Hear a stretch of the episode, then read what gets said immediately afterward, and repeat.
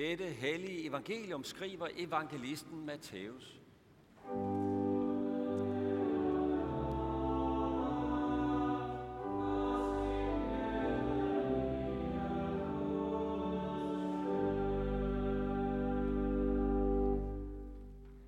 Jesus sagde, al synd og bespottelse skal tilgives mennesker, men bespottelsen mod ånden skal ikke tilgives. Og den, der taler et ord imod menneskesønnen, får tilgivelse, men den, der taler imod Helligånden, får ikke tilgivelse, hverken i denne verden eller i den kommende. Tag et træ. Enten er det godt, og så er dets frugt også god, eller det er dårligt, og så er dets frugt også dårlig. For et træ kendes på frugten. Øjleønge. Hvordan skulle I, som er onde, kunne sige noget godt? For hvad hjertet er fuldt af, løber munden over med. Et menneske tager, et godt menneske tager gode ting frem af sit gode forråd, og et ondt menneske tager onde ting frem af sit onde forråd. Men jeg siger jer, på dommens dag skal mennesker aflægge regnskab for et hvert tomt ord, de har talt.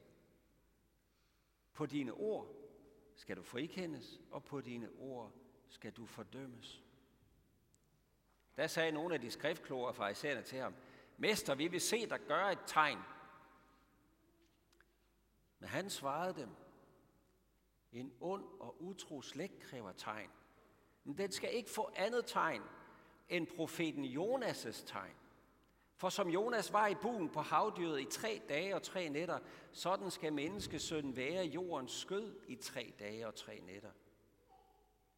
Men fra Nineve skal opstå ved dommen sammen med denne slægt og fordømme den, for de omvendte sig ved Jonas' prædiken. Og se, her er mere end Jonas. Og sydens dronning skal opstå ved dommen sammen med denne slægt og fordømme den, for hun kom fra jordens fjerneste egne for at lytte til Salomos visdom. Og se, her er mere end Salomo. Amen.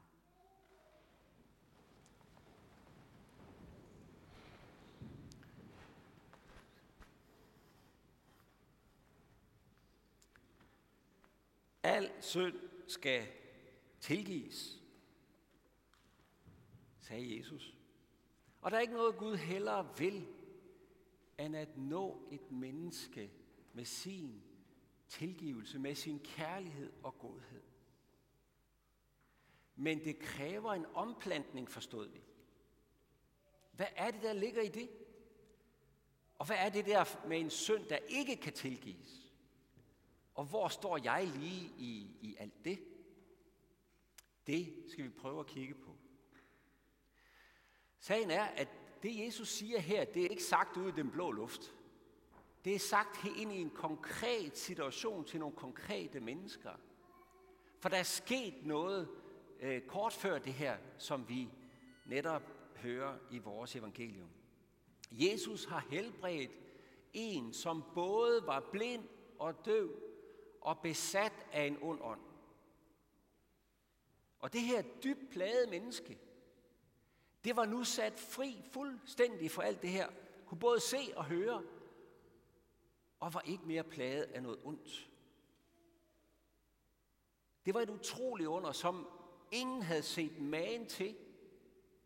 Og folk de begyndte sådan at spørge, gav vide, om ikke ham der Jesus alligevel kunne være den frelser, der er lovet i vores hellige skrifter. Messias, Davids søn, der skal komme. Og det hører nogle af de her skriftkloge og farisæer. Og de reagerer på det. Voldsomt. Fordi flere af de her folk havde allerede vejet Jesus på en vægtskål. Deres egen teologis vægtskål. Og de har sagt, han er for let, det er simpelthen ikke ham.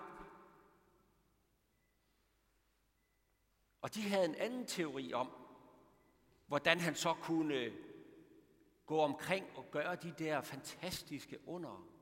Og hvordan det kunne lade sig gøre, at der nu pludselig var en, der før var både blind og døv og besat, som nu var sat fri for det hele. Deres forklaring, den lød sådan her. Det kan kun være ved dæmonernes fyrste, Beelzebul, at han uddriver dæmonerne. De kunne godt se, at der var sket noget overnaturligt.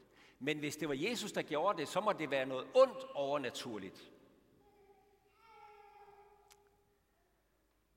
De er så sikre i deres afvisning af Jesus, at de tyrer til den her forklaring. Det er løgneundere, som skal forføre folk. Sådan så de det. Og i parentes bemærket, så blev det jo faktisk den måde, at jødedommen efterfølgende afviste Jesus på. Og det, der er interessant ved det, det er jo, at der var ikke en eneste af de gamle jødiske skrifter, der sagde, nej, Jesus, han, det passer ikke. Han lavede ingen mirakler. Ingen af dem siger det. Alle de gamle rabbinske kilder, de står ved, at Jesus gjorde under. Ja, ja, siger de så. Men det var ved den onde, at, at han gjorde det.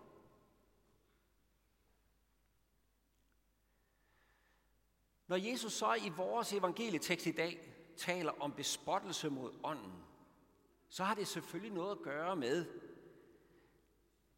at de her farisæer skriftlov kom med den her ondskabsfulde dom over Jesu gode virke. Men det stikker dybere, dybere end bare det. Farisæerne havde jo sådan set ret i, for en isoleret betragtning, at et under i sig selv, det er ikke nok til et bevis på, at det virkelig er den gode Gud, der er på spil.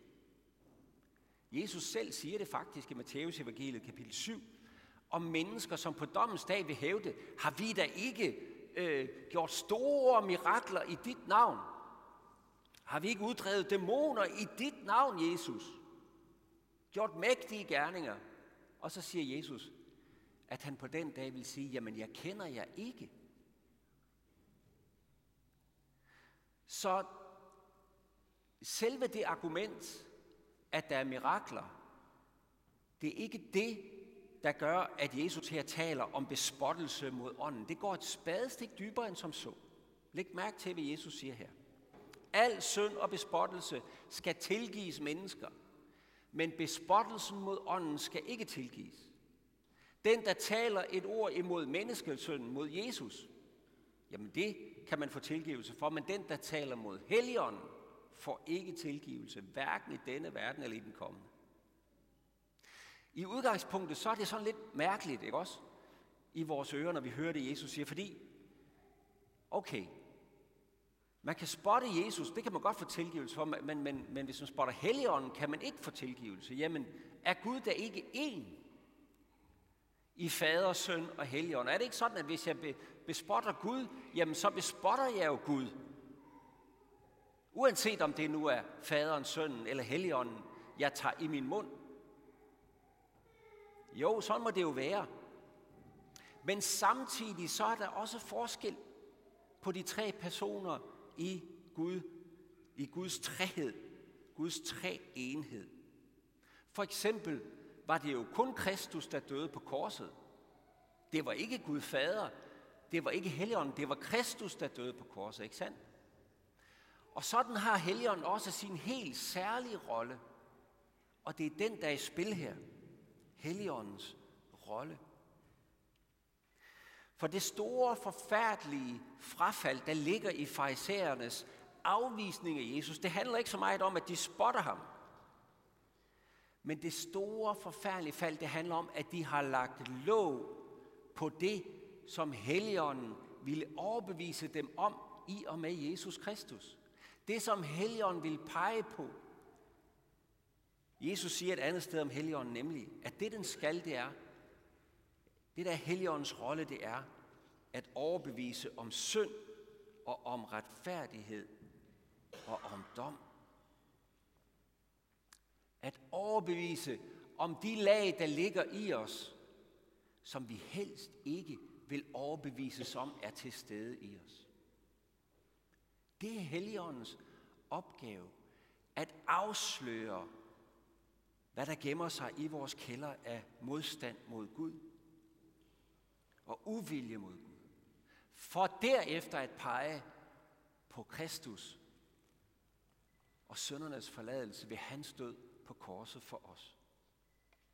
Se, når farisæerne de reagerer så voldsomt, de har set et mirakel og en mand, der var bundet af alt det onde, som nu går fri og lovsynger Gud. Alligevel er farisæerne rasende. Hvorfor er de det?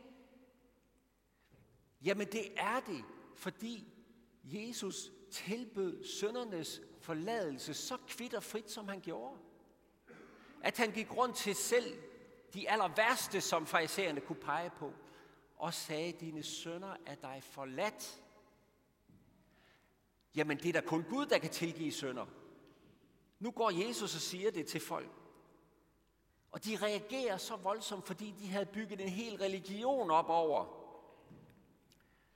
hvordan en sønder nok kan få tilgivelse ved alvorlig bod og bedring, men det skal ske via øh, de øh, normale religiøse myndigheders kanaler og mellemkomst.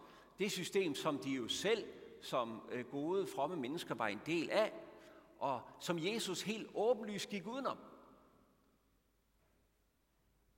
Alle de religiøse værdier, de havde bygget op, Jesus tilgav dem bare sønder. Hov, hvad, hvad, de skal jo først lige, vi skal lige have fat i dem først, skal vi ikke det? De genkendte slet ikke den levende Guds finger i og med Jesu virke. Hvordan de her syndere, som havde fået deres synd tilgivet, de pludselig omvendte sig af glæde over at blive sat fri, når syge blev helbredt, når besatte blev sat fri af det onde, der bandt dem, når selv døde opstod, ikke selv? De så det som et oprør mod Guds system og mod moralen, og det de så som en nivellering af deres egen status. Derfor blev de så vrede. For de var optaget af reglerne, og ikke af mennesker. Havde de været optaget af mennesker, så havde de jo set de her mennesker, fortabte mennesker, blive rejst op, og de havde glædet sig over det, at de havde set Guds finger i det. Men de så de regler, de selv red på. Og de blev vrede over, at nogen kunne finde på at gå udenom.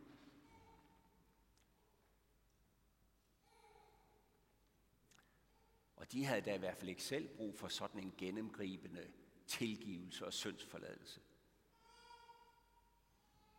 Men Helligånden ville overbevise dem om den synd, der lå gemt i det, om det hovmod, der lå gemt i lige præcis det. Ikke for at forkaste dem, men for at vække dem, så de kunne se Gud selv i Jesus Kristus, og hvor fantastisk det er, at der findes tilgivelse for den dybe ugudelighed og synd, som ligger på bunden af vores sjæle. På bunden af vores alles sjæle. Men de ville ikke, de her fejser, ikke tale om, at de ville overbevises om det. Se, de havde fanget det dybt provokerende og dybt radikale i Jesu virke og i hans forkyndelse, som jo satte nogle mennesker fri i et splitsekund fra skyld og skam. Han rørte ved dem, og de var sat fri fra skyld og skam. Men som samtidig kaldte på den sorteste forarvelse og forkastelse hos andre. Det her provokerende element, som vi også finder i Jesu ord i dag, netop til farisæerne. Når Jesus her for eksempel siger, at der kun findes enten gode træer eller dårlige træer. Ikke? Det er jo det, han siger. Der er kun to slags træer. Et godt træ bærer god frugt, et dårligt træ bærer dårlig frugt. Og øh, det er ikke bare vores gode eller onde gerninger, der afslører, om vi er et godt træ eller et dårligt træ. Også vores ord, fordi de afslører, hvad der ligger på bunden af vores sjæl. Sådan siger han. Men kan vi acceptere den præmis? Findes der kun gode træer og, og, og dårlige træer? Er det ikke sådan lidt en, en, en skala, altså nogle, nogle rigtig dårlige træer, der ikke giver noget som helst frugt, og så er der nogle, de er sådan lidt bedre, og, og så på den, ja, så er der nogle, de er fænomenalt gode, ikke også? Men, men er det ikke sådan en skala?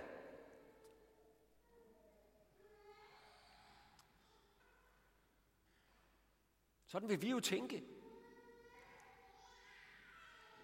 Men Jesus siger, nej, sådan er det ikke i Guds rige. Det kan godt være, at det ser sådan ud også imellem vi mennesker, men i Guds rige, der er det et enten eller. Enten er du en tilgivet sønder, der har taget imod Guds rige fuldstændig ufortjent og uforskyldt, uden at betale med noget som helst. Hvor Guds gode ånd er den kilde, der bærer frugt i dit liv. Guds kærligheds- og tilgivelseskilde. Eller også så er du et menneske, som har din egen godhed og din egen moralske status som kilde i dit liv, og mener, at du der i Guds øjne, og i hvert fald i menneskers, kan, kan, kan, der, kan komme igennem nåløjet på den måde. Og så drikker du af din egen selvretfærdighed. Så spiser du af dig selv. Det er det enten eller, Jesus stiller op for os. Og den forbandelse, som farisæerne har udtalt over Jesus, uanset deres gode gerninger og gudelige status i, andre, i andres øjne, det har afsløret, hvilken kilde det er, de spiser af og drikker af. Det er sig selv og deres egen godhed. Enten eller. Det er et dybt provokerende budskab. Men det er også et dybt befriende budskab, som kan sætte syndige mennesker fri. Fordi selvom det kan være slemt at lade ånden overbevise mig om, at der ikke er noget på bunden af min sjæl, som jeg kan stille Gud tilfreds med og retfærdiggøre mig selv ind i Guds rige med, så er det utrolig befriende, at det netop ikke er de gode skatte på bunden af min sjæl, jeg skal bruge og finde frem for at overbevise Gud om, at jeg kan være hans barn. Men at det er fuldstændig frit og noget, der er givet mig helt udefra, ligesom de små børn fik det i dåben i dag. Hvor de hverken kunne gøre fra eller til. Og det er det, Guds gode helligånd vil overbevise mig om. At jeg må være et Guds barn for Jesu Kristi lidelses og døds skyld. Fordi han har betalt for mig og har taget min dommedag. Det er det tegn, der er givet os, Jonas tegnet at Jesus gik i døden for os. Og det gjorde han for at tage os igennem vores dommedag og den visse død og ud på den anden side for at plante os om i en ny virkelighed. Som et nyt træ, et helt nyt sted med en helt ny kilde. Eller sagt på en anden måde, plantet på et nyt vintræ. Livets træ, det sande vintræ, hvor vi kan drikke livet og tilgivelsen af Guds gode kærlighed. Så vi kan bære god frugt for hans skyld. Og min mund kan flyde over med lovsang og tak til den Gud, der har frelst mig. Den Davids søn, der forbarmede sig over mig. Den gode Helligånd, der lod sit lys skinne ind i mit mørke. Sådan er Jonas-tegnet faktisk også Helligåndens tegn når den skaber liv af døde, så den skaber Helligånden, nemlig Guds riges børn, ud af syndefaldets børn. For der går ingen anden vej til Guds rige, end den vej, hvor alt mit eget, min egen gudelighed, min egen retfærdighed, min egen trostyrke og alt det der, ligger druknet i det store hav. Eller druknet i dåbens vand. Knust af lovens dom korsfæstet med Kristus. For kun derfra går vejen til opstandelsen med Kristus i søndernes forladelse til et nyt liv under Guds blå himmel. Og det var den vej, farisæerne dengang ikke ville gå. Al synd og bespottelse skal tilgives. Alt sammen kan druknes i dåbens vand. Du kan ikke have gjort noget, der ikke kan findes tilgivelse for. Den eneste synd, der kan låse dig ud af Guds rige, det er, at du siger, nej tak, det vil jeg godt nok ikke have, den tilgivelse. Det har jeg ikke brug for. Den vej vælger jeg ikke. Fri mig fra Jesu blod. Jeg kan klare mig uden. Det er det eneste sted, Gud ikke kan nå dig.